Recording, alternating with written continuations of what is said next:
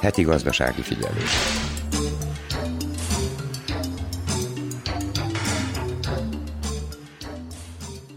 Megkezdődött a Kopauniki Üzleti Fórum, ahol a hazai és külföldi gazdasági szakemberek Szerbia gazdasági erejéről és a lehetőségeiről tárgyalnak. Hegedűs Erika köszönti a heti gazdasági figyelő hallgatóit. A szilárd tüzelőanyagok, azaz a szén, a faj és a pellet több mint a felével drágult meg egy év alatt. A statisztikai hivatal adatai szerint ezeknek a tételeknek emelkedett a legtöbbet az ára az elmúlt egy évben. Az infláció januárban majdnem 16% volt az előző év azonos időszakához képest, az előző hónaphoz viszonyítva pedig másfél százalék. A tüzelő mellett az élelmiszerek ára nőtt jelentősen, a tej és a tejtermékek az egynegyedével drágultak, a tojás esetében pedig ez az arány még magasabb, majdnem a felével. A jegybank szerint az élelmiszerárak növekedése a magas világpiaci árak és a szállítási költségek növekedésének tudható be. Az infláció kétharmada továbbra is az élelmiszer és energiaárak növekedésére vonatkozik,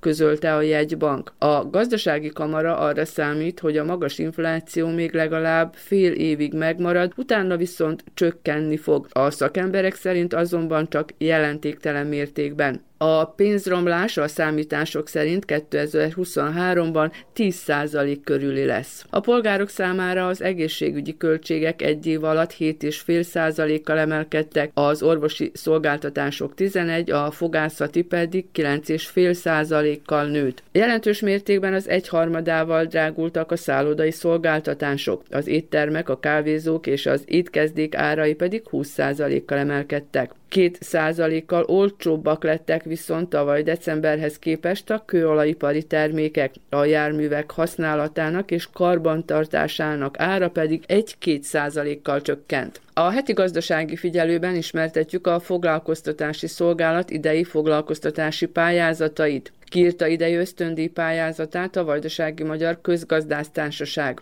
a vajdasági fürdőhelyek közül az adaiban és a magyar kanizsaiban jártunk, de hallhatnak a törökbecsei tervekről is. A Zentai Fogyasztóvédelmi Központ évi közgyűlésén elhangzott idei tervekről és a tavalyi eredményekről is beszámolunk. A fogyasztóvédelmi rovatunkban a banki adatvédelemről beszél a szakember. A vajdasági magyar vállalkozókat bemutató sorozatunkban egy zentagunarasi fiatalról hallhatnak, aki egy kozmetikai cég képviselője, de kangu edzéseket is tart. Az idegenforgalmi mellékletünkben pedig a topolyai sarlós boldogasszony templom kriptájának feltárásáról ezúttal történész beszél. Ennyi a kínálatból. Ha felkeltettük érdeklődésüket, tartsanak velünk. A munkatársak Csubriló Zoltán, Megyeri Henrietta, Tajkman Sándor, Nagy Emília, Cseki Teodóra, Verica Polyákovics és Dejan Jocit nevében tartalmas időtöltést kívánok.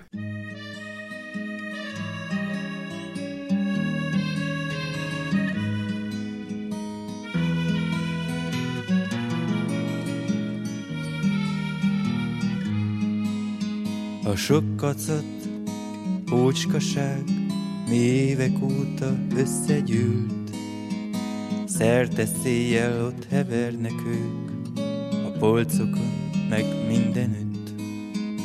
Gyertyaszál, gyöngyszemek, felébe tört mézes kalács, hajcsattok és karkötők, s egy régen elszakított lánc. Filléres emlékeim, oly drágák nekem, kidobni őket nincs erő, s mind értéktelen. Filléres emlékeim, oly drágák nekem, ők tudják mennyit ér az életem. A művirág sok éve már a céllövöldében kinyílt, se fénye már, se illata, de őrzi még az álmait. A ronygybaba csak porfogó, és ott hever az asztalon. A lelke már az égbe szállt, de eltemetni nem tudom Filléres emlékeim, oly drágák nekem, kidobni őket nincs erő, s mind értéktelen. Filléres emlékeim, oly drágák nekem, ők tudják, mennyit ér az életem.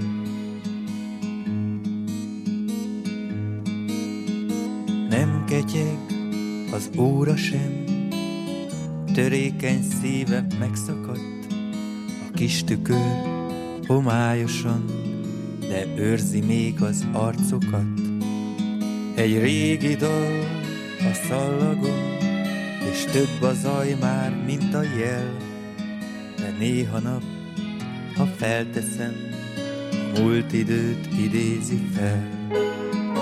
Filléres emlékeim, oly drágák nekem, kidobni őket nincs erő, s mind értéktelen. Filléres emlékeim, oly drágák nekem, ők tudják, mennyit ér az énekem.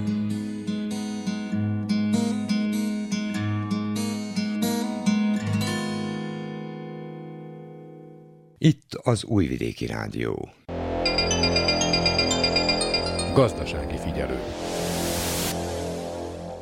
Az Országos Foglalkoztatási Szolgálat Észak-Bácskai részlege a múlt héten Topolyán szervezte meg a munkaadók hagyományos fórumát, amelyen bemutatták az idei foglalkoztatási pályázatokat. Tajkman Sándor összefoglalója. A fórumon több mint 20 topolyai munkaadó tájékozódott a Nemzeti Foglalkoztatási Szolgálat által közzétett nyilvános felhívásokról és a pályázati lehetőségekről. Nacionalna služba za zapošljavanje ove godine raspisala 13 javnih poziva i konkursa koji su namenjeni kako poslodavcima, tako i nezaposlenim licima sa naše evidencije. Dragana Vranyes, a szolgálat északbácskai részlegének az illetékese hangsúlyozta, hogy a közelmúltban 13 nyilvános felhívást tettek közzé, s a hangsúly a nehezebben foglalkoztatható csoportok tagjainak a foglalkoztatásán volt. Ezek a 30 év alatti középiskolai végzettséggel nem rendelkező fiatalok, az 50 év felettiek, a megváltozott munkaképességűek, a romák, a tartós munkanélküliek, a szociális segélyben részesülők és az elbocsátott munkavállalói státuszban lévők. Emellett nyilvános pályázatot hirdettek egyéni vállalkozói tevékenység indítására is. Ez utóbbi mindenki számára nyitott, aki vállalkozást vagy szolgáltató tevékenységet kíván indítani. A jelentkezőknek részt kell venniük egy üzleti terv készítési képzésen, majd el is kell készíteniük a terveket, amihez ugyancsak segítséget kapnak. Jelentkezni a felhívásra április 10-éig lehet. Most először mini foglalkoztatási bőrzét is szerveznek. Az első ilyen állásbőrze márciusban kerül megrendezésre, ezzel pedig egyrészt segíteni szeretnének a munkanélkülieknek, hogy elhelyezkedjenek, másrészt a munkáltatók rendelkezésére állnak, hogy megfelelő alkalmazottakat találjanak illetve hogy igényeljék a támogatásokat bizonyos kategóriák foglalkoztatásához, hangsúlyozta Dragana Vranyes. Dr. Horváth Zsoltól, a Topolyai Mezőgazdasági Iskola és Diákotthon igazgatójától az iránt érdeklődtünk, hogy milyen céllal érkezett erre a fórumra. Azzal a célra, hogy megnézzük, hogy tehát az iskolánkban ugye elég régen létezik az iskolában 61 éve, és ebből elég sok tanárunk ugye nagy örömmel vagy sajnos ugye elmegy ugye nyugdíjba, és akkor szeretnénk, tehát érdeklődni szeretnék, hogy milyen lehetőségek vannak itt, tehát főleg a szaktanár, általános tantárgyakból is ugye, tehát hiányunk lesz majd egy-két éven belül, és akkor az információszerzés, meg információszere végül is arról lenne itt most szó. Milyen szakemberekre van szüksége az iskolának? Hát több szakember, hogy nálunk vannak általános tantárgyak és szaktantárgyak, az általános tantárgyak közül ugye matematika tanár, idegen nyelv, sőt az anyanyelv is most ugye jelentkezett, ugye mint hiány, fizika tanár, ugye mindkét nyelv egyaránt az oktatás magyar és szárnyelven folyik. Az szaktantárgyak közül ugye állatorvosra, élelmiszeripari technológusra, ezek a főbb hiányok, amik ugye majd idők során már jelentkezni fognak. A Topolyai Kisbácska Szklerózis Multiplex Egyesület minden évben jelen van ezen a fórumon tudtuk meg Nyeső Paultól, az Egyesület elnökétől. Az Egyesületünk is a munka közöttünk köröztül és ezeken a pályázatokon köröztül munka viszonyba állít nehezen munkába állítandó személyeket, főleg rokkantsággal élő és alacsony képzettségű személyekről van szó. Már 7-8 éve az Egyesületünk foglalkoztat három személyt négy hónapon köröztül, akik az Egyesületnek a termeit ugye tartsák rendbe, az Egyesületnek a környékén kertjét tartsák rendbe. Milyen szakemberekre volna most szükségük? Mi a munkaközvetítőn keresztül ugye azokat a személyeket foglalkoztassuk, akik nehezen munkába állítható. Ezek tehát azok a személyek, akik alacsony végzettségű, tehát elemiskolát, vagy nem fejeztek még elemiskolát se, valamiféle rokkantsággal együtt élnek, tehát szakképesítésük nincs. Egy másik pályázatokon köröztül amit a Topolya finanszíroz, azon keresztül foglalkoztatunk egy fizioterapeuta. Mit jelentenek az ön egyesülete számára a Nemzeti Foglalkoztatási Szolgálat támogatásai? Hát az egyesületünk számára, meg hát minden tagunk számára nagyon nagy jelentőséggel bírnak ezek a pályázatok. Egyrészt azért, mert ezek a személyek olyan munkákat el tudnak végezni az egyesületünkbe, amit a tagság nem tud, nem bír elvégezni a betegségből kifolyólag, viszont a másik, hogy segíthetünk olyan embereknek, akik az egzisztenciájukért ilyen módon is dolgoznak és elvállalják ezeket a munkákat, amiket ugye más ember nem vállalná, őket még nagyon nehéz máshogy munkába állítani. Itt az Újvidéki Rádió. Gazdasági figyelő. A Vajdasági Magyar Közgazdász Társaság meghirdette az idei tanévre szóló ösztöndíj pályázatát. Gyetvai Tímelt, a szervezet elnökét Vörös Gábor kérdezte. A Vajdasági Magyar Közgazdász Társaság immár negyedik alkalommal jelentette meg kiválósági ösztöndíj pályázatát, amelyre közgazdász hallgatók jelentkezhetnek. Ugye a kiírásban szerepel, hogy mely szakon tanuló hallgatók pályázhatnak. Ehhez nem tartjuk szigorúan magunkat, ugyanis ez a támogató kérése volt, hogy feltüntessük a szakokat, de nem minden esetben identikus a szerbiai egyetemen megnyílt szakokkal, tehát hogyha véletlen más az elnevezésre, ez ne tántorítsa vissza a jelentkezni vágyókat.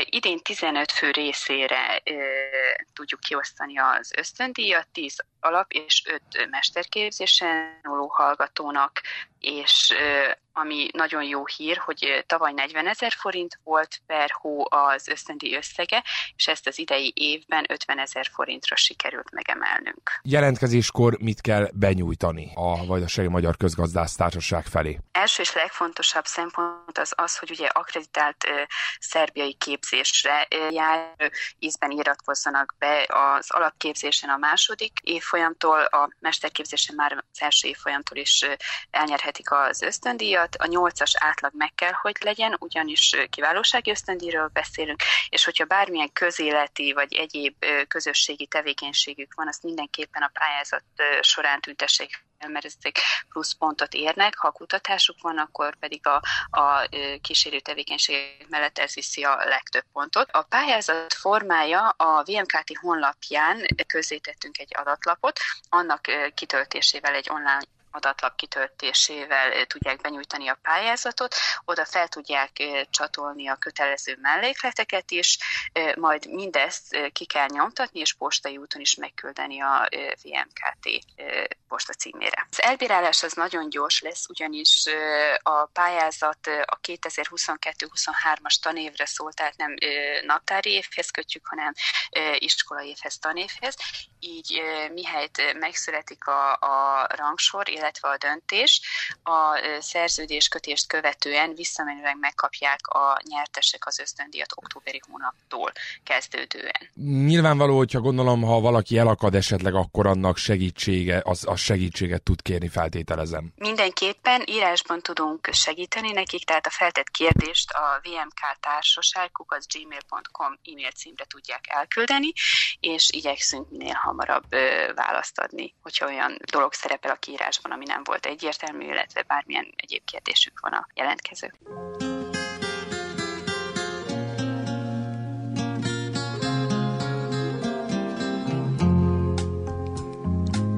Ülök a szobámban, búsan egyedül, és a fájó múltra gondolok. Odakün az utcán lassan fény dereng, és az órán pereg a homok. Szeretném a homokórát megállítani, szeretném az emlékeim elfelejteni, de a homokóra csak pereg, pereg, így hát kedves, tovább szenvedek. Nem tudom, hogy elhiszed-e még, hogy fájó szívem örökké tiéd. Álmaimban téged látlak, két karomba téged zárlak, nem tudom, hogy elhiszed-e még. De ha egyszer, drágám, nem bírom tovább ezt a fájó bús emlékezést, elmegyek én akkor, tovább állok én, mert a szívem magányos, szegény. Elviszem én magammal az emlékeidet, hogy ne lássam a lassan pergő homok szemeket, Utoljára, drágám, azt kívánom én, hogy te mással nagyon boldog légy.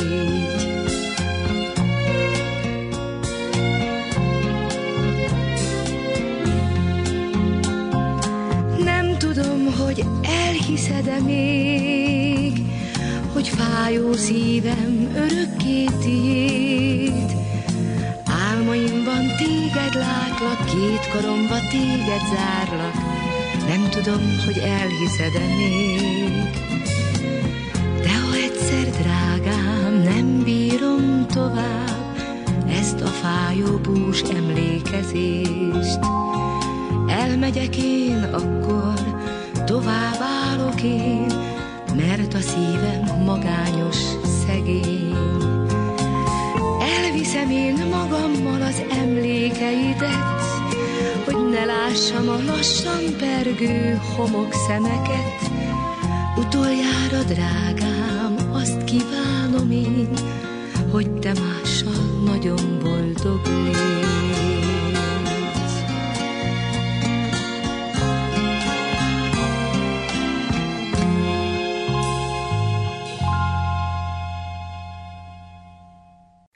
az Újvidéki Rádió. Utazunk és utazzunk, Vajdaságban és a világban. Az Újvidéki Rádió turisztikai rovata.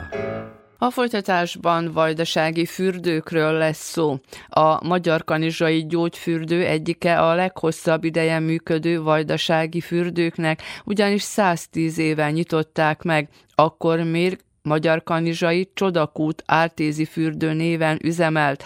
Azóta már három épületben gyógyítanak, és pihenésre is van lehetőség. Csubriló Zoltán az eddigi eredményekről és a tervekről érdeklődött. A mai rohanó világban a pillanat megélése az egyik legnagyobb kihívás.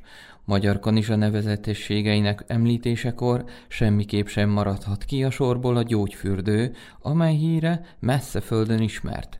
A fürdővárosként elhíresült Tiszamenti ékesség maga a nyugalom szigete, melyet a gyógyulni vágyók nem hagyhatnak ki, hiszen itt megtalálható a Szerbiában egyedülálló rehabilitáció területén alkalmazott súlyfürdő és egyéb modern terápiás eljárások, mondta el Snežana Adžić, a gyógyfürdő igazgatója. Specijalna bolnica za rehabilitaciju Banja Kanjiža je kao zdravstvena ustanova u planu mreže zdravstvenih ustanova. Fürdőnk az országos egészségügyi hálózat részeként működik, a Magyar Kanizsai Gyógyfürdő Rehabilitációs Szakkórház pedig sikeresen zárta az évet.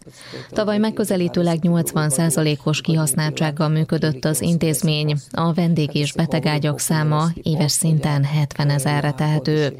Elsősorban egészségügyi szolgáltatást nyújtunk, de a sport, a rekreáció és a turizmus is a tevékenységi területünk részét képezi. Tavaly a legtöbb vendégünk a köztársasági egészségbiztosítási alap által érkezett hozzánk. Az ezt megelőző időszakban mindannyiunkat érintett a járványhelyzet negatív hatása. Ehhez képest azonban a tavalyi évben már jelentősen több vendégünk volt, tehát ilyen téren is javult a helyzet. Együttműködést valósítottunk meg a nyugdíjbiztosítási alappal is. Így 2022-ben 1200 nyugdíjas az alaptámogatásával tartózkodhatott nálunk egy tíznapos gyógykezelésen és üdülésen, mondta a Magyar Kanizsai Gyógyfürdő igazgatónője. Veliku i dobru saradnju smo ostvarili sa PIO fondom u 2022. godini. Čak je bilo ovaj, sportista i iz Kanade. Što se tiče građana ovaj, stanovnika opštine Kanjiža, oni imaju povlastice, znači oni imaju jedan popust, ako je ulaznica za sve građane 500 dinara, za građane opštine Kanjiže 400 dinara. Különböző sporttáboroknak is helyet adtunk, több sportág képviselői érkeznek hozzánk edzőtáborba és versenyre egyaránt. A magyar kanizsaiak kedvezményeket is kaphatnak nálunk, továbbá tavaly 250 vendég az 5000 dináros államilag támogatott üdülési csekkel érkezett hozzánk, sőt tavaly nyáron egyedülálló módon a további 15 ezer dináros államilag támogatott üdülési összeget is számos vendég nálunk költött el el. Az idén januárban meghirdetett állami üdülési támogatásnál két nap alatt szintén megközelítőleg 250 utalványt osztottunk ki. Ennyien kerestek meg bennünket foglalási előszámla miatt. Reméljük, hogy idén is lesz támogatási foglalás. Az ilyen kedvezményeket igénybe vevő vendégeink általában Belgrádból vagy a fővárostól délebről jönnek, mondja a gyógyfürdő vezetője. Naša primarna i osnovna delatnost jeste medicina, znači imamo medicinski kadar. Za sada imamo dovoljan broj specijalista fizijatara, Fő tevékenységünk természetesen az egészségügy, és egyenlőre rendelkezünk kellő számú szakkáderrel, de a vendéglátóipar területén nyújtott szolgáltatásokkal is ugyanez a helyzet.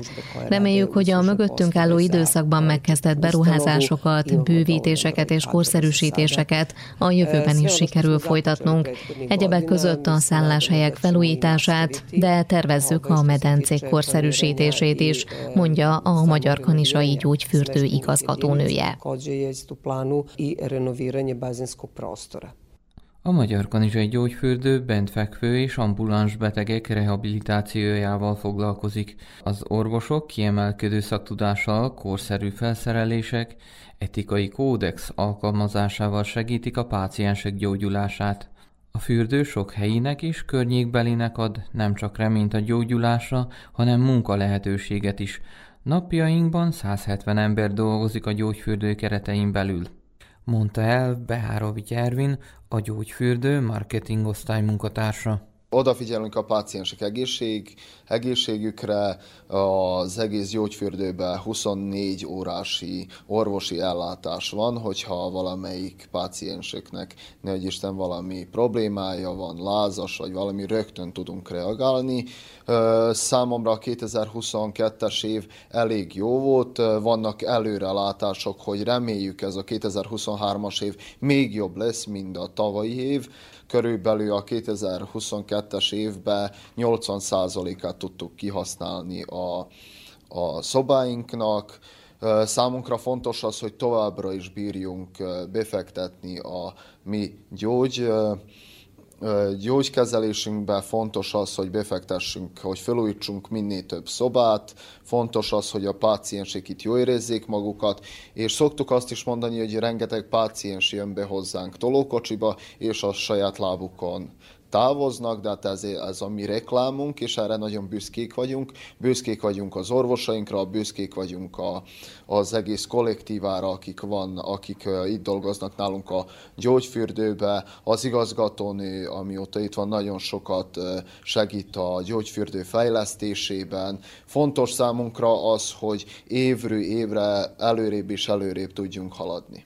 Nem csak fürdeni, gyógyulni, hanem wellnessezni is lehet a gyógyfürdőben, ahol ezek mind a vendégek számára kínált szolgáltatások közé tartoznak, de vannak tervek a fedett medencék felújítására és bővítésével kapcsolatban is mondta el Behárovics Ervin, a gyógyfürdő marketing osztály munkatársa. Szerintem soha nem bírjuk azt mondani, hogy minden tökéletes. De hát mink azt nézzük, hogy minél évről évre előrébb menjünk, és minél többet legyünk modernabbak. Számunkra az nagyon fontos, hogy az idővel előrébb haladjunk, és hogy a páciensek is, ahogy jönnek minden évben, lássák, hogy előrébb megyünk, és hogy vannak haladások. Most elmondhatom azt is, hogy reméljük, hogy a 2023-as évben fel tudjuk majd újítani a medencét, fő tudjuk majd újítani a terápiablokkot, fő tudjuk új eszközöket tudunk majd beszerezni, amik sokkal hatékonyabbak, mint a mostaniak,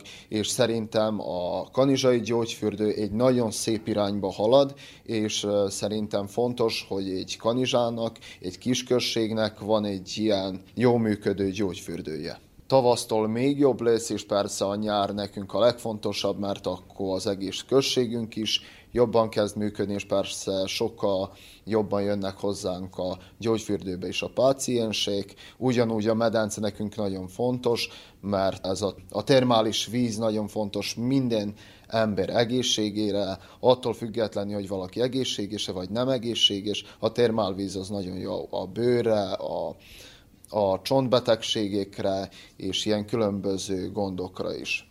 Persze az mellett itt vannak a szaunák is, amiket használunk. Van egy finn szaunánk, van egy sors szaunánk, a sors szauna az ugye jó a, az aszmára, a légutakra, úgyhogy ebbe a, a mi gyógyfürdőnkben rengeteg lehetőség van arra, hogy egy tető alatt el lehet menni súlyozni, el lehet menni focizni, meg lehet inni egy kávét itt nálunk a kávézóban, ugyanúgy ott lehet ebédelni és vacsorázni és reggelizni is, úgyhogy itt megvan adva mindenre a lehetőség, hogy az ember eljöjjön, gyógykezelje magát, és az mellett élvezze is ezt a szép gyógyfürdőnket. A megelőzés az első lépés a gyógyulás felé, az egészség pedig minden ember belső békéje kell, hogy legyen, vallja az intézmény vezetője. Egy éve nyitották meg az adai élményfürdét, ahova most már nem csak hazai, hanem külföldi vendégek is érkeznek. Az eddigi eredményekről, a kínálatról és a bővítési tervekről Juhász Tibor igazgatót kérdeztük. Március 23-án nyitottuk meg a wellness objektumát. Ugye most március 23-án lesz az első születésnapja a wellnessnek. Meglepően jó eredményeink vannak, hiszen már az év, tavaly év vége felé október, november, decemberben egész vajdaság szintről látogattak el hozzánk vendégek. Meglepődtünk mi is, amikor eljöttek ugye az állami ünnepek ideje decemberben, illetve inkább januárban, január 1 másodika, valamint ugye 6-a, 7-én. És a szünidő? És a szünidő, azt külön ki kell emelni, hiszen a gyerekek tömegesen látogattak el a szüleikkel.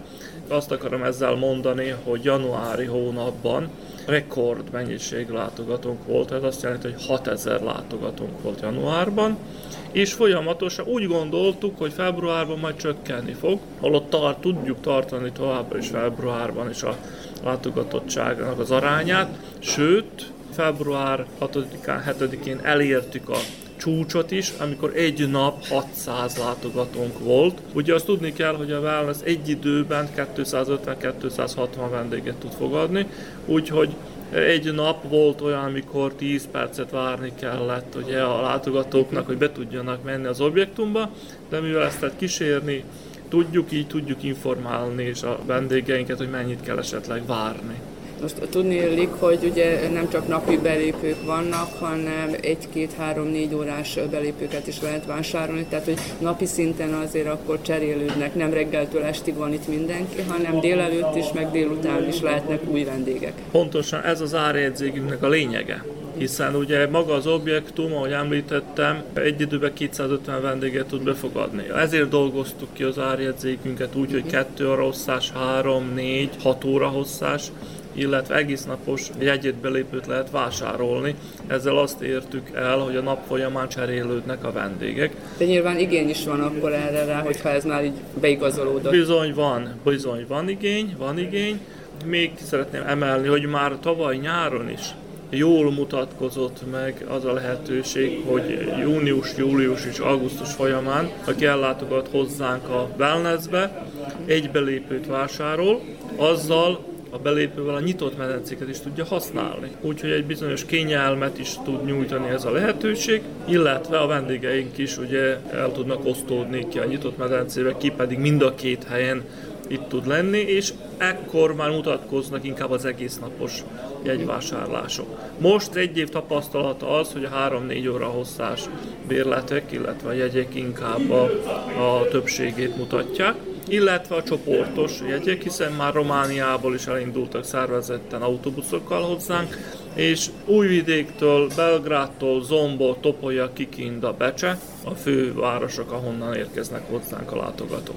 Mivel fognak bővíteni? Ugye most kevesebb, a, mondjuk a magyarországi fürdőkhöz képest kevesebb szolgáltatásuk van, de terben vannak a bővítések. Mivel szeretnének az idén bővíteni? Pontosan így van. Először is leszögezzük. Mi nagyon örülünk ennek az objektumnak is, hogy ezt sikerült felépíteni elindítani és sikeresen működtetni. Amikor a sikeres működtetésről beszélek, ugye az önkormányzatnak is, aki főleg kifinanszírozta ezt a befektetést, azóta a célja olyan befektetést előirányozni, ami aztán nyereséges, azaz megtermeli a költségeket. Önfenntartó?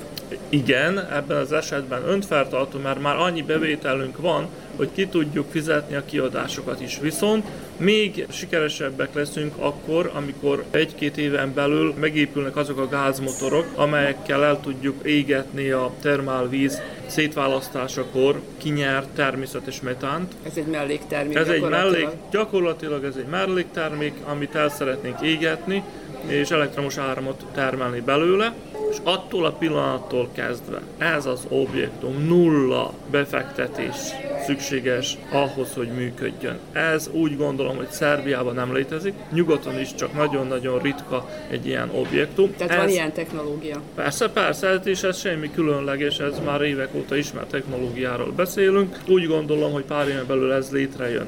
Viszont, ami még az idején létre fog jönni, és úgy gondolom, hogy ez hozzájárul magához, az objektumnak a még sikeresebb működéséhez, és a még nagyobb kapacitás létrehozásához, hiszen már aláírtam a turizmussal és a fiatalokkal illetékes minisztériummal szerződést, ami arról szól, hogy össze fogjuk kötni a wellness objektumot a legközelebbi nyitott medencével. Ami gyakorlatilag még 100 méterre 60 sincs. méterre van a wellness-től, egy melegített folyosóval. Ki fogjuk lapozni ennek a úgynevezett nyugdíjas medencének a, a széleit. Teszünk rá, ide is padlófűtést vezetünk, teszünk rá egy fűtött levegővel, túlnyomásos, meleg levegővel fűtött balont, ami azt jelenti, hogy a vendég, aki eljön hozzánk a wellnessbe, át tud sétálni ezen a meleg folyosón.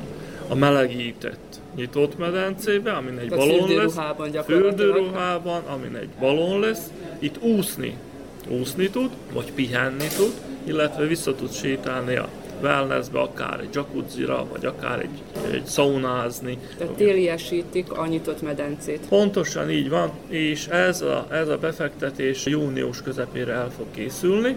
Az őszre, amikor hideg lesz, tehát gyakorlatilag Pontosan. már meg lesz. Így van. Ezt az úgynevezett balont ugye majd ott szeptember-októberben rátesszük, ami fennmarad júniusig, akkor nyári időszakra levesszük, hogy akik a nyitott medencében jönnek el hozzánk, akkor azok is tudják használni, de egyébként 9 hónapon keresztül pedig fedett lesz ez a, ez a medence, illetve az ősszel, az idén ősszel tervezünk egy apartman hotelt építeni, a wellness közvetlen közelében. Ez egy 41 apartmannal rendelkező objektum lesz, ami úgy szintén a levegőben össze lesz kötve a wellness egy folyosóval, úgyhogy a hotelból át lehet fürdőköppenbe sétálni a wellnessbe és fürödni. És itt az üdülőközpontban gyakorlatilag az épületben szeretnének még bővíteni, mert ugye tudjuk most van sauna, van gőzfürdő, és hát vannak a, a medencék, különböző medencék. Pontos. Ezen kívül mit Igen, még pontosan bővíteni? így van, aláírtuk a szerződést, egy showkabinnak a kiépítésére, úgyhogy úgy gondolom, hogy május 1 a VIP fönt az emeleten, a VIP előterében egy showkabint fogunk felszerelni, amely főleg a gyerekeknek, aszmás és bronchitises gyerekeknek ajánlott. Ez már gyógyászati. Ez már gyógyászat, közelítünk a gyógyászathoz, illetve az ősz folyamán bővíteni fogjuk a szaunavilágot is, hiszen a Tiszára néző teraszunkra egy kültéri szaunát fogunk felépíteni, mert úgy érezzük, illetve a vendégeink visszajelzése alapján szükség van erre. Nem kis befektetések ezek sem, de létre fogjuk hozni ezeket is, a bővítéseket. És egyéb programokat ezen a szolgáltatási részen, amit egyénileg választhatunk, hogyha itt vagyunk a fürdőbe, hogy hol fürdünk és hova ülünk be és hol pihenünk, de programokat szerveznek-e már? Minden héten szervezünk tornát, vízitornát. Az igény volt? Uff, uff, szinte csökkenteni kell, redukálni kell a jelentkezők számát a vízitor. különböző csoportokat tudnak. Igen, igen, hiszen sok, sok nagy az igény a vízitornára. Az úszó tanfolyamok azok most is folyamatban vannak. Nyáron a nyitott medencében, nyáron rossz idő esetén a wellnessbe, illetve télen a wellnessben folynak az úszótanfolyamok. Maga a wellness objektum még, ami a programokat illeti, kiemelném a a masszás és a pedikű szolgáltatásokat, illetve egy sikeres programunk van a Baba úszás, egy Zentai Medica Center szervezésében, pici babák vízhez való szaktatása és az ezzel kapcsolatos tornák vannak folyamatban és programon, valamint maga a wellness objektumon belül létezik egy nagyon jól felszerelt éttermünk is. Ez a kezdetben nem volt, ez később Pontosan, ez a kezdetben nem volt, vagy nem ilyen formában, de most már azt mondhatjuk, hogy 20 fajta menüt kínálunk ugye a vendégeink részére, 350 dináros menütől 600 dinárig, mindenki választhat az igényei szerint. Tehát ez gyakorlatilag, hogy elkezdtek működni, akkor mindez, amit bővítettek, ez az igények alapján, tehát a vendégek kérése alapján bővült? Pontosan így van, hiszen azt kell, hogy mondjuk, hogy mi, mi is újak voltunk ezen téren, hiszen Szerbiában nem létezik még egy ilyen ekkora specifikus objektum, tanulnunk kellett nekünk is, mentünk külföldre tapasztalatokat szerezni. De az a legjobb tapasztalat, amit az ember a saját bőrén tapasztal. Úgyhogy odafigyelünk a vendégeinknek a véleményére, igényeire, és ehhez próbálunk alkalmazkodni, és mind ezek a bővítések, fejlesztések ezáltal jöhetnek létre. Mindenkit szeretettel várunk, akár nyugdíjas, akár fiatal, akár családos szeretnénk, szeretnénk egy ilyen család orientált eh, programokat kifejleszteni, és, és családi turizmus helyezni ad a turizmusának a középpontjába. Igen, családi jegyek is vannak? Természetesen, és csoportos jegyek is vannak. Törökbecsén már működik egy magántulajdonban lévő fürdő, de az önkormányzat is készíti a terveket egy újabb élményfürdőhöz. Megyeri Henrietta összefoglalója. A fedett fürdő 1200 négyzetméter alapterületű kétszintes építmény lesz, és kisebb étteremmel, valamint medencékkel rendelkezik majd. Igor Mirovitja, tartományi kormány elnöke. Ovo je važna vest ne samo za Novi Beče, već i za sve građane Vojvodine. Az új spa központ nem csak a helyieknek, hanem a vajdaságiaknak is kedvez majd, hiszen új turisztikai helyszínnel színesbíti a települést. Miután megépül a központ, egy kisebb medencét is kialakítanak a gyerekek számára, de mindenki találhat majd benne valami kedvére valót. Törökbecse jelentős turisztikai célpont, ennek pedig az új spa központ jelentős része lesz, mondta a tartományi kormány elnöke. A központban úszóiskola is lesz majd, melyet a helyi diákok mellett a beodrai, karlovai, a kumáni és a bocsári gyermekeknek is elérhetővé tesznek.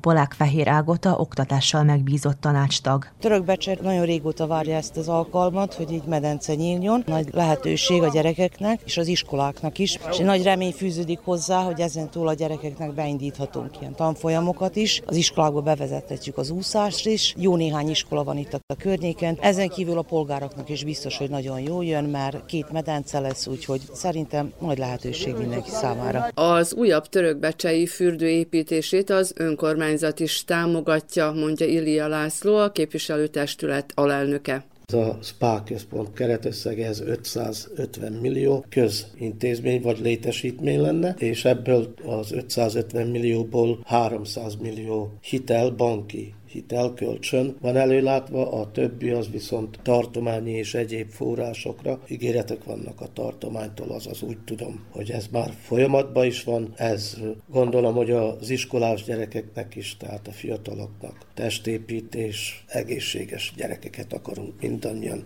És úgy gondolom, hogy ez az egész község polgárainak hasznos lesz. Na, nyilván a környéknek is majd Igen. vonza turizmus hát, szempontjából. Igen, van lehetőség ott területben a, a, a bővítés is, meg hát végül is a futballpálya és egyéb sportpályák közvetlen szomszédságába épül magához a város központhoz se nincs messze. Sasa Maximovics polgármester.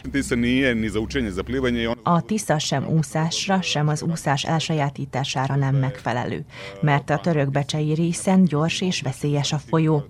Elsődleges célunk a fürdő és a szabadidő központ létrehozásánál az volt, hogy a gyerekeknek biztosítsunk egy létesítményt, ahol megtanulhatnak úszni. Másrészt a helyieknek és a turistáknak is adott egy komplexum, ahol bármikor kikapcsolódhatnak, mondta a polgármester.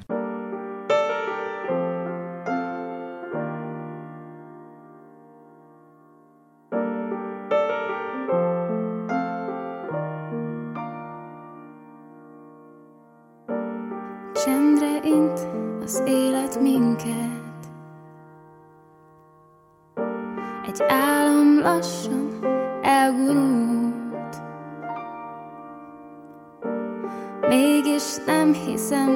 végleg Nem látlak már téged. Minket összeköt a múlt Nem látlak téged. Minket összeköt a múlt. Valamit úgy mondanék vagy idegen, szól a dal, bennem élsz, látod rajtam, hogy ez jó nekem, mint a csal a csillagokra. Bízom benne, valamit úgy mondanék, súgnék halkan, nem vagy idegen, szól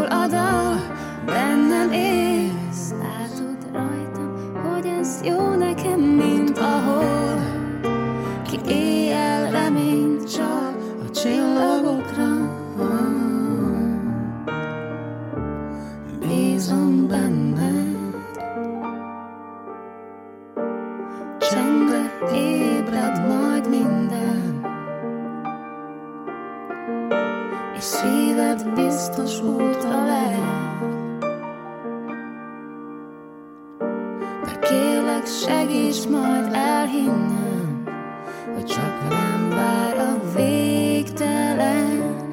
Hisz te tudtad, azt hiszem Segíts elhinnem Hogy rám vár a végtelen. Valamit úgy mondanék Súgnék halk Nem vagy idegen, szól a dal Bennem élsz, jó nekem, mint a hold. Ki éjjel reményt csak a csillagokra. Bízom benne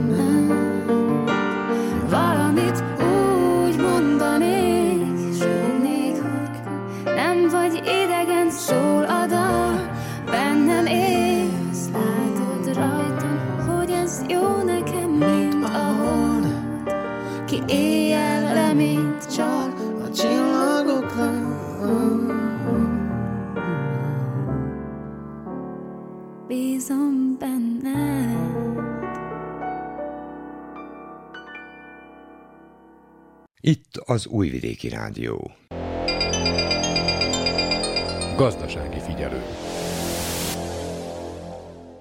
Az idei tervekről és a tavaly elért eredményekről számoltak be az Entai Fogyasztóvédelmi Központ évi közgyűlésén. A tavalyi évben több mint 200 panasz érkezett a fogyasztóktól. Az ügyfeleknek való segítségnyújtáson kívül tavaly legfontosabb teendő a civil szervezet újbóli nyilvántartásba vétele volt, ugyanis ezen túl csak úgy működhetnek, ha az új törvény szerint is bejegyzik a közfeladatot ellátó szervezetet, mondta Molnár Csikós József, az Entei Fogyasztóvédelmi Központ elnöke. A tavalyi évben legfontosabb nekünk a központ regisztrálása. Ezt azért tartom fontosnak, mert nagyon sok probléma, amit ugye a jelentésben nem lehet elmondani, de azt mindenki tudja, hogy nekünk ahhoz, hogy lebírjuk regisztrálni a központot, két munkaerőt kellett alkalmazni állandó munkakörbe. Ez nem is lenne olyan gond, mert megtaláltuk azokat a személyeket, mivel hogy ott elő volt írva, hogy egyik okleveles jogásznak kell lenni az egyiknek, a másik lehet diplomával rendelkező tag, de nem muszáj, hogy okleveles jogász legyen. És nem is a, a személyek problémája volt, hogy meghatározzuk, hogy ki legyen, hanem az anyagi körülmények, ami azt kísérik. Az a legnagyobb probléma, hogy a törvényben meghozták, hogy ennélkül nem tudjuk leregisztrálni a, a szervezetet, viszont a község nekünk tavaly 70 ezer dinárt adott támogatást. Azzal nem tudtuk a rezsiköltségeket, az anyagi költségeket lefedni, tehát nekünk az az egy szerencsénk, hogy a tagjaink a közvállalatoknál a panaszügyi bizottságokban dolgoznak, és ezért a szerződés értelmében valami térítményt fizet nekünk a közvállalat. A hatáskörben nem nyerünk azzal, hogyha munkaerőt veszünk fel, tehát az megmarad. Csak annyival esetleg segíti a mi munkánkat, hogy egy jogásszal több van, még az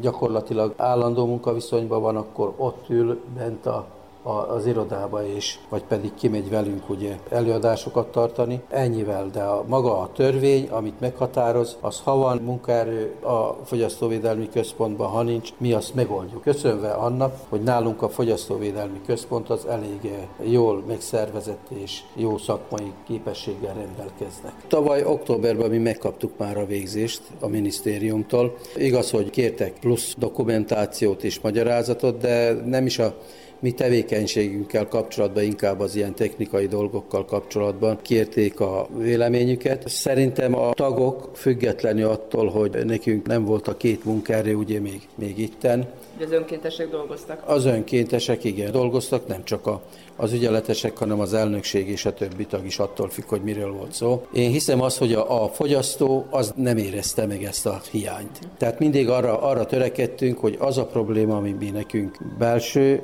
hogy azt, azt meg tudjuk tartani. A fogyasztók, kívülállók, a gyerekek, a diákok, a vásárlók, a szolgáltatás igénylék, ezek nem vették észre. Milyen területről érkezett a legtöbb panasz az elmúlt egy évben? A legtöbb panasz általában a szolgáltatás terén érkezett, elsősorban kommunális fűtés, és nem csak itten, hanem ahol mi tevékenykedünk, mondjuk a környező községekben is elég sok panasz volt de igyekeztünk segíteni a vállalatnak is, meg, meg a fogyasztónak is, hogy ezt a problémát megoldjuk.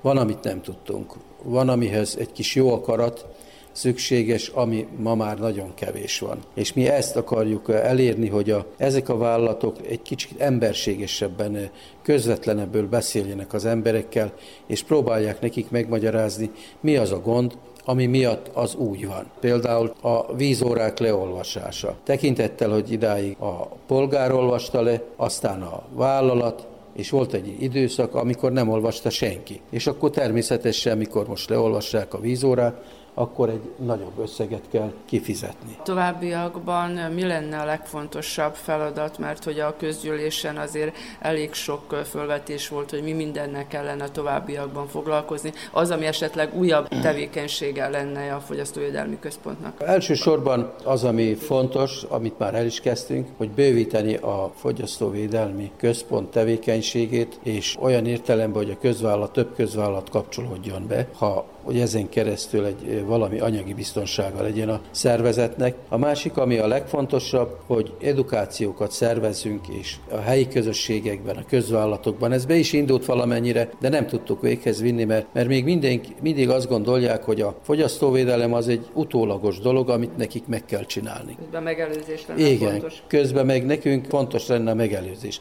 Tehát inkább legyen én nekem kevesebb panaszosom, de a, a terepen pedig elkészítsük, vagy felkészítsük az embereket. Itt gondolok a közvállalatokra is, meg a polgárokra, a helyi közösségekben, hogy mi az, ami őnekik joguk van ilyen esetben, és mire figyeljenek oda. A diákok képzése az zöggenőmentesen megy, és az, az minden évben, most is én szerintem egy nagyon jó sikerült kétnapos előadást tartottunk nekik a fogyasztóvédelemmel kapcsolatban, hanem probléma a, az emberekkel. Ezt helyi közösségekben próbáljuk megtartani, meg, meg a közvállalatoknak, azoknak a dolgozóknak, akik az ügyfelekkel foglalkoznak. Ez nagyon fontos lenne. Az országban egyedüliként szervezik meg a fogyasztóvédelmi diákvetélkedőt. Az ideire 25 csapat nevezett be, ebből három az általános, 22 pedig a középiskolákból, mondja Száva Vujicsica, a Fogyasztóvédelmi Központ igazgatóbizottságának az elnöke, a diákverseny szervezője. Az idén is meghirdettük a 11. fogyasztóvédelmi verseny, ahol az általános iskolások, illetve a középiskolások szerepelnek.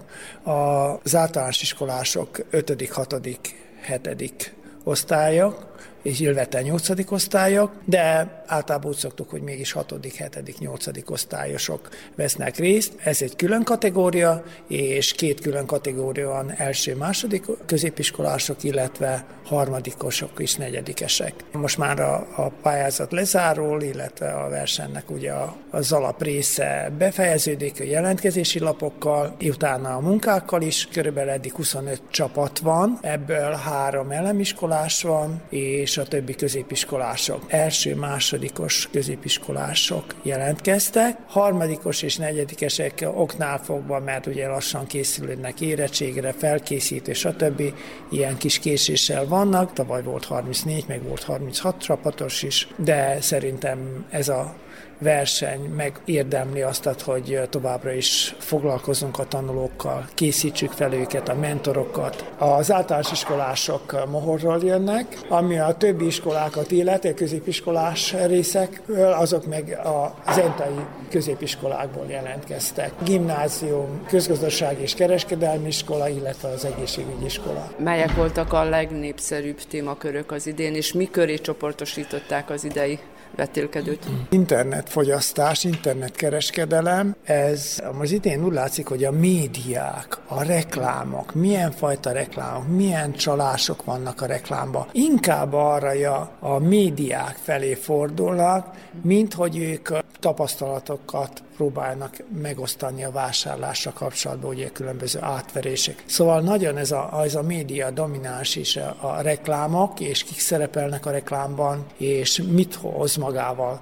Következő van olyan is, hogy mondjuk rá vannak olyanok, amiknek, ami nagyon tetszett, a, a gyógyszerekkel kapcsolatosan is van, és hogy hol vásároljunk gyógyszereket a gyógyszertárba, illetve a gyógyszertáron kívül. És van egy, egy nagyon jó dolgozat, de vannak olyan érdekes témák, amelyek a, nem csak a kereskedelmet illeti, hanem az embereket is, hogy hogyan döntenek, mi motiválja az embereket. Szóval minden emberben megvan az a motiváció, az az ihlet, mi indítja azokat az ötleteket, ami rákényszerít, hogy megvegye, kielégítse az anyagi szükségleteit. Az idei évben tervezik még a polgárok tájékoztatását a fogyasztóvédelmi jogokról, az internetes értékesítésről, illetve vásárlásról, valamint a termékbemutatókkal egybekötött vásárlás buktatóiról, hogy megelőzzék az esetleges későbbi fogyasztóvédelmi panaszokat.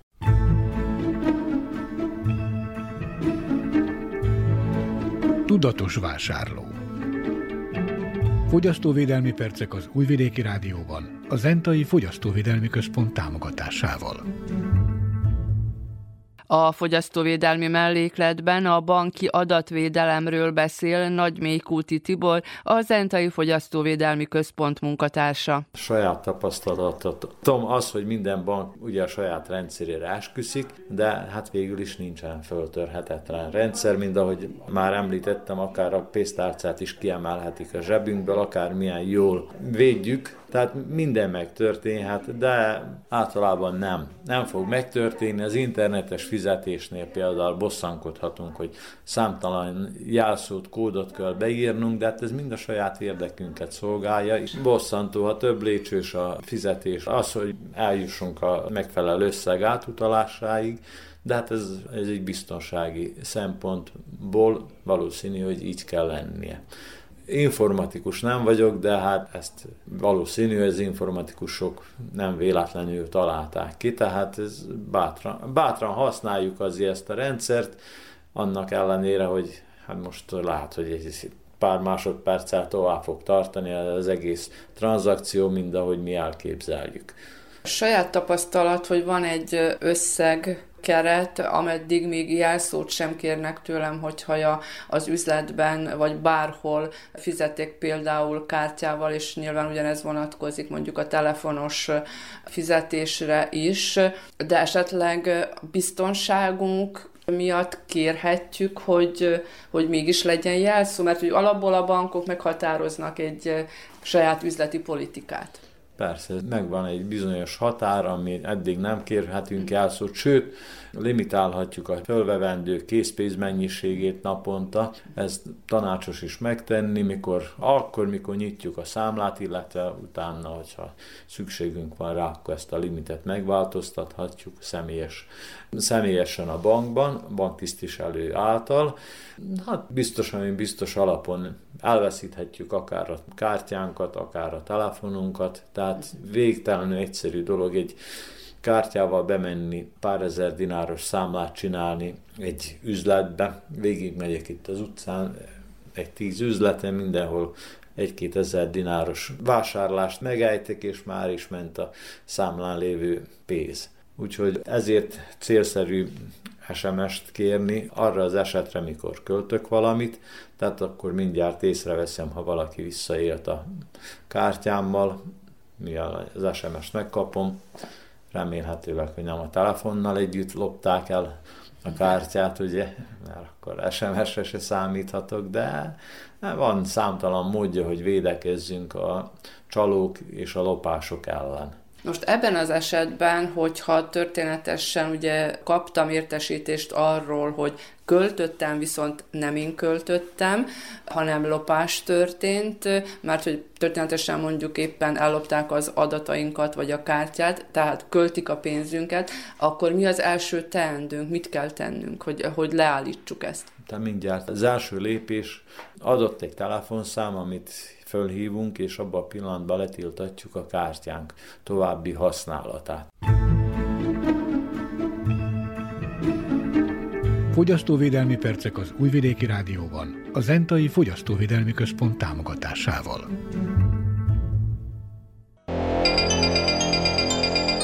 Gazdasági A vajdasági magyar vállalkozókat bemutató sorozatunkban ezúttal egy zentagunarasi fiatalról hallhatnak, aki egy kozmetikai cég képviselője, de kangó edzéseket is tart. Fejdelma számára nem volt opció a külföldre költözés, itthon szeretne boldogulni. Nagy Emília hangfelvétele. Főállásban egy belgrádi magánvállalatnak dolgozom, üzletkötő pozícióban. Saját vállalkozást 2017-ben nyitottam, a vállalatom az egyik legismertebb és legnagyobb kozmetikai céggel van szerződésben, ami nem titok, hogy ez az Avon Products, úgy, mint forgalmazó középiskolában kezdtem a termékek ajánlását, idén pedig már tíz éve, hogy koordinátorként dolgozom. Igazából ezt nem mondanám mellékállásnak, amit mellékállásnak mondanánk, az a kangó. A cégem munkaterületébe a kozmetikán belüli munkaajánlás, tanácsadás, valamint a sport is beletartozik. Tehát akkor említettük itt ezt a, a bizonyos avont, ugye sokan ismerjük, talán Szerbiában is eléggé elterjedt. Csak úgy ismerjük, hogy ugye kapunk, látunk egy katalógust valahol, és átnézzük, esetleg rendelünk valakitől, te egy kicsit ugye komolyabban foglalkozol ezzel szerződésben vagy velük, ahogy mondtad. Honnan jött annó az ötlet, említetted, hogy középiskolában kezdtél el valamilyen szinten ezzel foglalkozni, de honnan jött az az ötlet, hogy ezzel vezetői szinten úgymond, vagy ilyen szinten, hogy szerződésben? Igen, mindenki csak azt látja, hogy az avondámák avon katalógusokkal szaladgálnak, és hogy az avon termékeket ajánlják, és nem tudják, hogy ez mögött tulajdonképpen milyen lehetőségek rejlenek. Amit az Avon először is nyújt, az a megtakarítási lehetőség, mint forgalmazó. Tehát itt ebbe benne van ugye az ingyenes kiszállítás, akár a fizetési haladék, Viszont, mint koordinátor, ez lehet kielőgítő, mint zseppénz, vagy mellékkereset, akár jól fizető főállás is. Mennyire nehéz megtalálni a vevőket, ezt is beszéltük a kötetlen beszélgetésben, hogy aki nem az a típus, hogy megy az emberek után, és mondja, hogy ezt kellene rendelned, meg azt kellene rendelned, az akkor egy kicsit talán nehezebb hogy sikerül megtalálni a vevőkört, vagy van már egy kiépült vevőkör, és velük dolgozik? Igazából nekem folyamatosan vannak új vevőim, és nekem nem a fő célom az eladás, hanem a, a munkának az ajánlása. Viszont úgy gondolom, hogy a vásárlókat nem nehéz megtalálni, mivel egy elég ismert cég vagyunk, minőségileg nagyon magas fokon állunk, a parfümjeink, a kozmetikáink szinte minden házban valamilyen szinten jelen vannak, ugyanúgy mindenféle pénztárca megtalálja a saját termékét, legyen az drágább vagy, vagy olcsóbb kozmetika. Én nekem például egy előny, hogy nem kell sorba állnom a boltokba, ott a kasztánál, és fél órákat, órák, hosszákat várni, hanem a csomagom házhoz érkezik, itthon kibontom, és már használatba is veszem, illetve a katalógust akár online is át tudom lapozni, éjfélkor, reggel nem kell megvárnom a boltnak a nyitását. És mennyire fontos az a vevőknek, hogy lássák a terméket. Mondjuk itt ugye az van, hogy egy katalógusból, egy prospektusból úgymond nézik meg az emberek a, a terméket, és vannak ugyan illatosított oldalak, de sok mindent nem lehet úgy megfogni, megszagolni, mint egy drogériában például.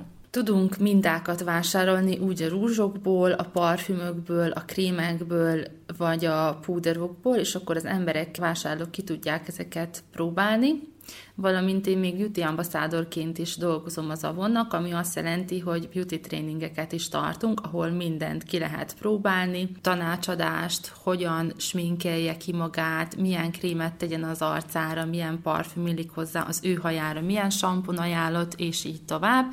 Tehát nyugodtan lehet hívni minket, vagy a koordinátorunkat, vagy az Avon dámánkat, hogy információval lásson el. Minden nap használatos dolgokról is van szó, hogyha a sampont, a tusfürdőt nézzük, de vannak luxus termékek is, tehát szájrúst nem muszáj használni, szemfestéket se. Mennyire érződik most meg ebbe a gazdasági helyzetbe az, hogy, hogy az emberek ilyesmire is hajlandók pénzt kiadni, vagy egy kicsit esetleg ez csökkent az elmúlt időszakban? Ez egy nehéz kérdés, de én úgy gondolom, hogy igen, tehát mindenképpen az eladás valamilyen szinten csökkent, de viszont azok a vásárlók, akik nem tudják maguknak megengedni a drágább krémeket, ami túl van reklámozva, akkor inkább választják a minőségi Avon terméket, és akár féláron is itt megvásárolják.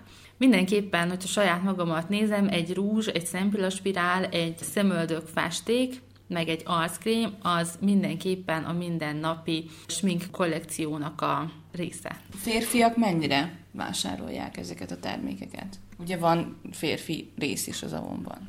Igen, van férfi rész is az avonban, úgy a parfümök, úgy a borotválkozás utáni előtti krémek, habok, meg még mindenféle más.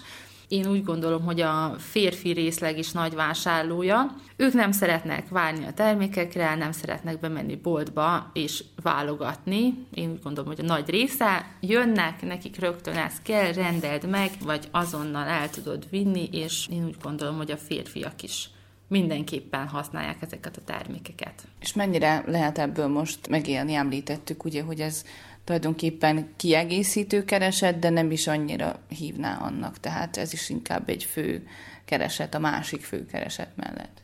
Ha valaki csak ezt választja, teljes mértékben meg lehet az avonból élni, nem úgy, mint forgalmazó, hanem úgy, mint csapatvezető. Mindenféle előnyei vannak, úgy, mint a bejelentés, az egészségbiztosítás, a gyerekeket be tudjuk jelenteni egészségbiztosításra, annyi órát dolgozol, amennyit te szeretnél, ezt magadra szabod, itt a kifizetés soha nem késik, amit a cég megígér bónuszban, az egyáltalán nem szemfényvesztés, hanem tény, lehetőség, amit ha valaki megragad, tud kötetlen munkaidőben, jó társaságban, teljesítmény arányosan pénzeket keresni.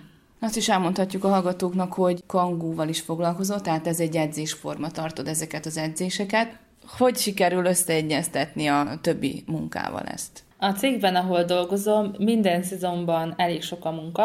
A heti rutin köreimet saját magam tervezem, úgyhogy effektív legyen, és a nap többi részét, vagy akár a terepi szünetet ki tudjam használni másra. Nagyon magas szintű szervezettség van emögött, pontosan tudnom kell, mikor és hova megyek, meddig maradok.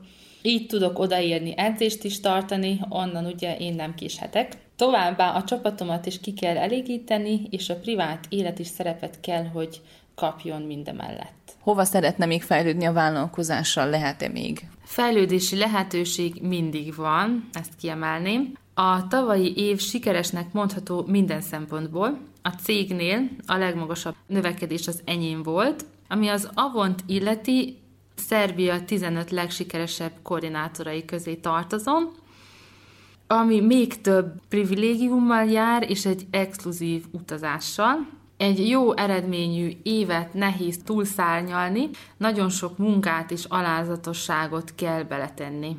Viszont mindenképpen ez a cél. Ezek mellett új településen indul meg a kangó hamarosan a meglévők mellett. Itt mindig van egy kis félelmem, milyen lesz az új csapat, tudom-e hozni mindig a maximális energiát.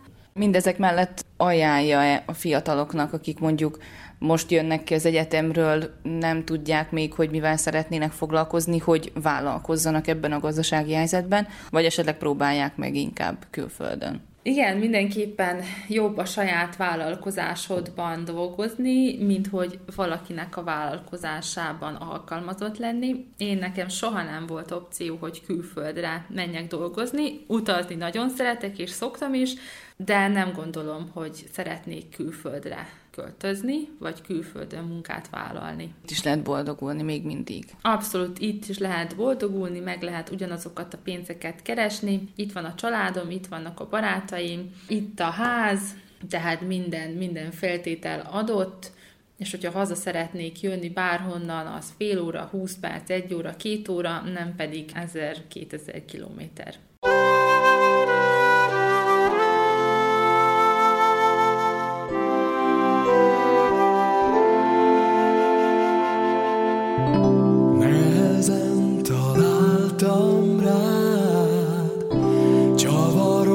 Tom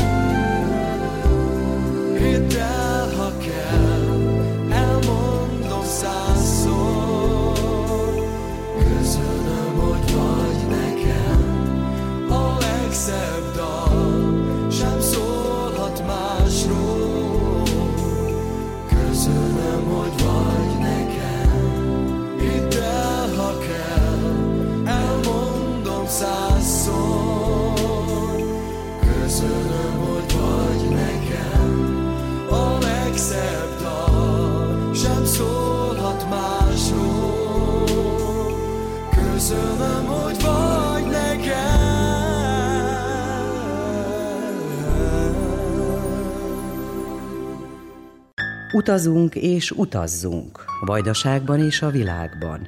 Az Újvidéki Rádió turisztikai rovata.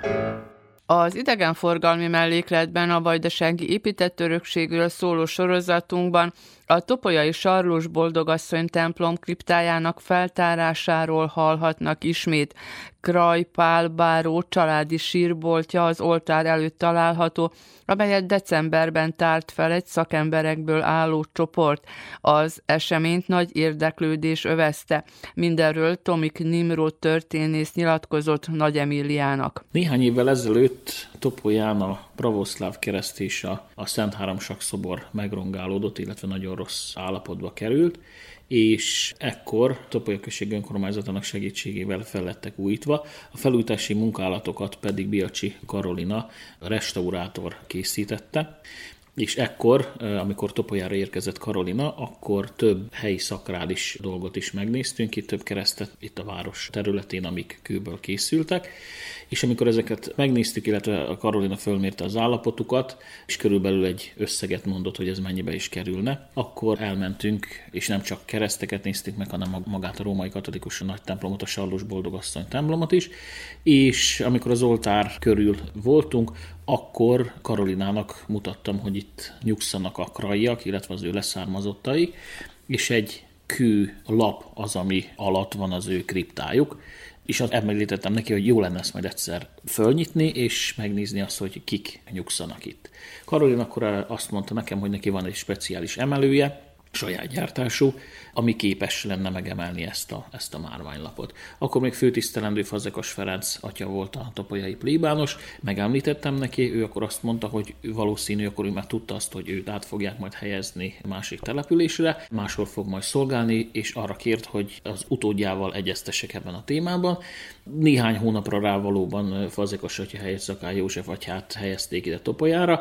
Amikor megemlítettem Szakály atyának, mondhatom azt egyébként, hogy a, az első témáink között szerepelt a Krai család, ő is jó ismerője a Krai, később az Icsi családnak, és őt is hajtotta a tudományos kíváncsiság, de eltett bizonyos hónap, bizonyos idő, addig, amíg teljesen ráhangolódtunk erre, és 2022. november 3-ára beszéltük meg, hogy az, az lesz az a dátum, amikor föl fogjuk majd nyitni a, a családi sírboltot, nagyon nagy izgalommal vetettük be magunkat a, a munkába.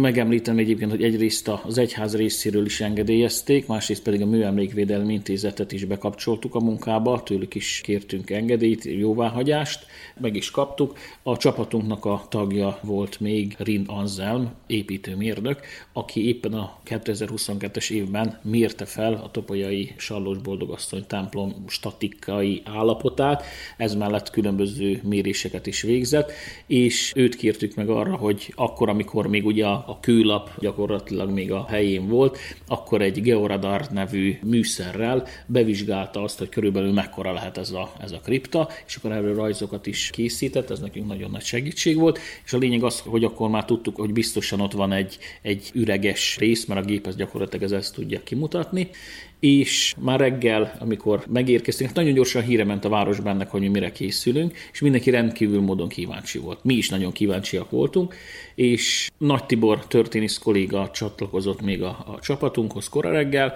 Tudni kell, hogy a kőlap az nagyjából olyan két és fél méterszer másfél méteres. Ennek a súlyát nem tudtuk, hogy mennyi lehet, hiszen nem tudtuk neki a vastagságát. Amikor odaérkeztünk a márványlaphoz, akkor láttuk azt, hogy ennek a közepén már valakik ezt erővel annak idején megpróbálták nyitni. Tehát látszódott egyébként a köveken az, hogy, hogy ezek meg voltak sértve, de nem tudták fölnyitni. És aztán későbbiekben persze megtudtuk, hogy miért nem tudták tudták fölnyitni. A márványlapnak a négy sarkába vaskarikákat helyeztek el, pont azért, hogy be tudják ezt oda illeszteni, és ha egyszer ki szeretnék nyitni, akkor ez annak a segítségére tud lenni. A márványkarikák közül az egyiket tudtuk viszonylag könnyedén fölemelni, a másik hárommal egy kicsit megküzdöttünk, az kicsit körbe kellett kalapálni, de miután ez sikerült, a gépet is sikerült, az emelőt is sikerült fölállítanunk, és különböző kötelekkel, meg ilyen textilanyagból készült, hát az is ilyen kötélszerűséggel, amikor azt is úgymond üzembe helyeztünk, a gépet megpróbáltuk az emelőt beindítani, hát meg sem mozdította és ez további fejtörést okozott, mivel egy kötőanyaggal oldalt a maga rés az be volt hát most lehet, hogy ilyen teljes, ilyen cementes valami kötőanyaggal ez be volt kötve, és akkor segítségül hívtuk a, szomszédba dolgozó kőműveseket, ahol egy nagy ilyen gyémántlapnak hívják, és körbevágták, tehát úgy egyébként, hogy gyakorlatilag a kövek nem sérültek, szakemberek eljöttek és körbevágták ezt. Ezután meg tudtuk mozdítani a követ, hát illetve magát a, a márványlapot, és hát kiderült, hogy több mint 15 centi vastag, és a mérnökünk úr úgy számolta, hogy hát több mint másfél tonnát nyom ennek a súlya, és akkor, amikor megemelték, akkor az egyik vaskarika egy kicsit kinyúlt. Akkor jött egy következő gond, hogy most akkor mit csináljunk, görgőknek a segítségével ráhelyeztük, és akkor hát fizikai erővel toltuk odébb. Akkor már ugye leguggoltunk, sőt lefeküdtünk egyébként az az igazság, hogy be tudjuk nézni, hogy vajon mit is, mit is rejt majd. Azt láttuk azt, hogy kitéglázott lépcső vezet le a, a kriptába, és amikor sikerült arrébb gördítenünk annyira legalább a, a márványlapot, hogy le is tudjuk menni, akkor láttuk, hogy ott egy vasajtó is van. A vasajtóhoz természetesen nincsen kulcsunk, de viszont olyan korhat állapotban volt már sajnos, hogy mondhatom azt egyébként, hogy nagyon egyszerűen ki tudtuk nyitni, és ekkor Nagy Tibor kollégával hát együtt mentünk le a családi kriptába, a Krai családnak a kriptájába, hát rendkívül módon izgatottak voltunk. Az újságcikkekből azt tudtuk, hogy hat sírhely van lent. Azt is mondjuk azt, hogy az írásokból tudtuk, hogy kik nyugszanak ott, de pontosan nem tudtuk, hogy ki lehet a, az a hat személy. Ötbe szinte úgymond biztosak voltunk, hogy ki, de a hatodik személynél nem tudtuk, hogy ki nyugszik ott. És amikor lementünk, tehát gyakorlatilag ez a családi sírbort 1906 óta, mióta a Sardos Boldogasszony templomot fel szentelték, azóta nem lett kinyitva. Amikor leérkeztünk a kriptába, 11 lépcső vezetett le, akkor azt láttuk, hogy márványtáblákat helyeztek el, tehát maga a koporsókat egy márványlappal zárták el. A márványlapok nagyjából méterszer méteresek lehettek, és körülbelül olyan 100 kiló lehetett bennük, mivel ketten a Tibivel erős fiatal emberek vagyunk, de azért meg kellett nekünk is küzdeni, hogy arrébb tudjuk helyezni, és mindegyik márványlap meg volt számozva, egytől hatig, valamint mindenkinek föl volt írva a neve, aki ott nyugszik. Tehát azt tudtuk, hogy az idős Krai Pál táborszernagy, ő Budapesten a belvárosi templomban van végső nyugalomra helyezve, és az ő szívét küldte el Topolyára, ami egy ezüst szelencébe van és ez is be van falazva a Topolyai templomnak a, a falába a sekrestje mellett. Későbbi tervünk majd az lesz, hogy azt is szeretnénk szakszerűen és ugyanúgy tudományosan dokumentálni, mint ahogy ezt is tettük. Tehát amikor megtekintettük, az első pillantásokat vetettük ezekre a márvány táblákra, akkor láttuk azt, hogy akiket tudtunk, itt gondolok az utolsó férfi Kraira, Krai Jánosra, 1852-ben hunyt el, ő volt úgymond a főhelyen, az ő fia Ferenc, az ő felesége Weighem Mária pihen itt, valamint ifjabb Krai Pál, aki 1846-ban egy lovas balesetben 16 éves korában veszítette el az életét, és egy Paulina nevű kislány volt még, aki Ferencnek a gyermeke volt, aki valószínűleg néhány hetes vagy néhány hónapos korában hunyt el, és ők nyugszanak itt, valamint a hatodik, amire nem tudtuk a választ, hát az egyszerű volt, üres volt a hatodik hely. Tehát ott le tudtuk gyakorlatilag abba a sírba be is tudtunk nézni, és itt akkor már tudni kell egyébként ez a templom építésekor újították fel ezt a kriptát. Ez a kripta korábban is itt volt, de viszont a felújítása a templommal együtt történt. A templom építéssel együtt történt. És amikor ezt megláttuk, egyrészt nagyon megörültünk, másrészt pedig egy újabb dilemmába voltunk, hogy menjünk tovább, vagy nem menjünk tovább. Tehát akkor megoszlottak kezdetben a vélemény többünknek, az én személyes véleményem az volt, hogy menjünk, tehát hogy bontsuk ki, és nézzük meg, hogy mik lehetnek, vagy illetve kik lehetnek ott bent, és hogy esetleg valamivel temethették el őket, a katonember volt, vagy hogyha hölgy, akkor egy naplóval, vagy, vagy valami hasonló tárgyal, ami nekünk segítséget tudna adni.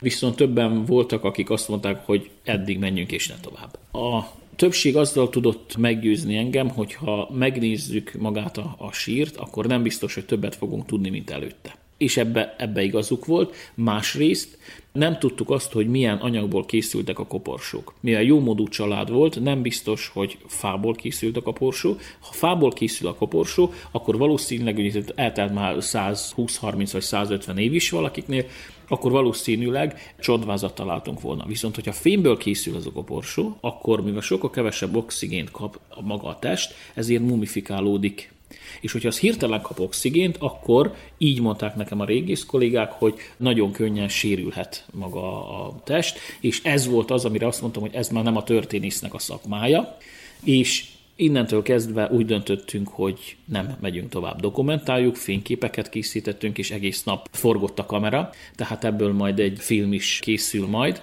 amit a Topolya Község Múzeuma készít, ez egy sorozat Kraipál nyomában, és az egyik, azt hiszem, hogy a harmadik részben fog majd szerepelni maga a kriptának a felnyitása. És amikor eldöntöttük végül, hogy, hogy ez lesz a helyes út, akkor megkértem főtisztelendő szakályatját, hogy készítsünk egy időkapszulát, és ez meg is történt. Az atya a 2022-es fali naptárnak a hátuljára írt, és odaírta, hogy kik vagyunk, és mit csináltunk melyik napon, felsorolta azokat a személyeket, akik jelen voltak, és azt is leírta, hogy magához a sírokhoz nem nyúltunk. Ezután gyönyörű szépen kitakarítottuk, felsöprögettük a, magát a kriptának a, a lenti részét, és lent egy latin nyelvű szertartással az atya megszentelte a, a sírokat. Azt mondta, hogy azért, mert ők ilyen nyelven értettek, mert ugye ebben a korban még ugye latin nyelvűek voltak a, a szentmisék, és azt hiszem, hogy ez volt a legmeghatóbb percei az egész napnak. Egyébként egy egész érzelmi hullámvasút volt, hiszen mindannyian úgy fogtunk neki, hogy gyerünk, csináljuk, és azt hittük, hogy sokkal könnyebb lesz. Aztán később rájöttünk arra, hogy ez, ez nem olyan egyszerű, maga a fizikai munka se annyira egyszerű, de nagyon örülünk a felfedezéseknek, dokumentáljuk ezt, és publikálni is fogjuk, már egyrészt folyamatban van, másrészt pedig a sajtó is beszámolt róla. Néhány héttel később egy élménybeszámolót tartottunk a Topolyai Sardós Borlogasszony templomban, ahol Biacsi Karolina, Rindanzelm, Szakály József atya, valamint én tartottunk egy élménybeszámolót, és hihetetlen, hogy pénteken hirdettük meg a hétfői eseményt, és több mint 500-an jöttek el a Topolyai templomba, hogy megtudják azt, hogy mit is rejt a Krai családnak a, a sírboltja. Ebből azt látjuk, hogy nem csak topolyaiak jöttek hiszen számos vidéki szemét is láthattunk, hogy nagyon érdekeli az embereket, tudnak a Krai családról, mert sajnos ők a, a történelemben viszonylag rövid időt töltöttek itt el Topolyár, de rendkívül nagy hatások volt, mind a mai napig nagyon nagy hatásuk van a, a városra, és egy kicsit kikopott az ő nevük, és ez az, amin dolgozzunk többen, helytörténetkutatók, múzeum segítségével, más szakemberek, hogy a Krai nevet hozzuk vissza a topolyáknak a köztudatába. És ezért is örülünk ennek az akciót, hogy így végig tudtuk vinni, hiszen for forgott, forgott a név, és nagyon bízunk benne, hogy a továbbiakban még több emberhez fog eljutni Krai Pál és az ő leszármazottainak a neve.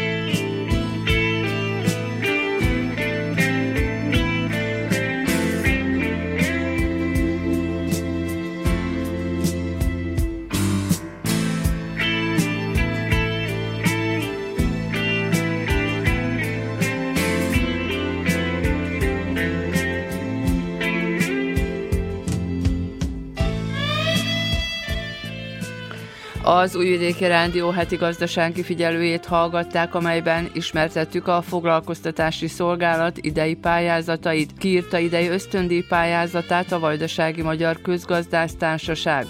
A vajdasági fürdőhelyek közül az Adaiban és a Magyar Kanizsaiban jártunk, és hallhattak a törökbecsei tervekről is. A Zentai Fogyasztóvédelmi Központ évi közgyűlésen elhangzott idei tervekről és a tavalyi eredményekről is beszámoltunk.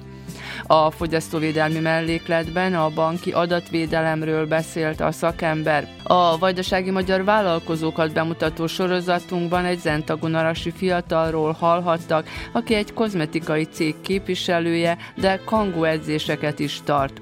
Az idegenforgalmi rovatunkban a Topolyai Sarlós Boldogasszony templom kriptájának feltárásáról ezúttal történész beszélt.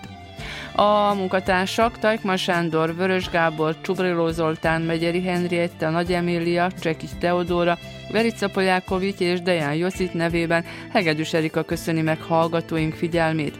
Műsorunk visszahallgatható a közmédia internetes oldalán, az rtv.rs.hu honlapon, a hangtárban, a heti gazdasági figyelő cím alatt.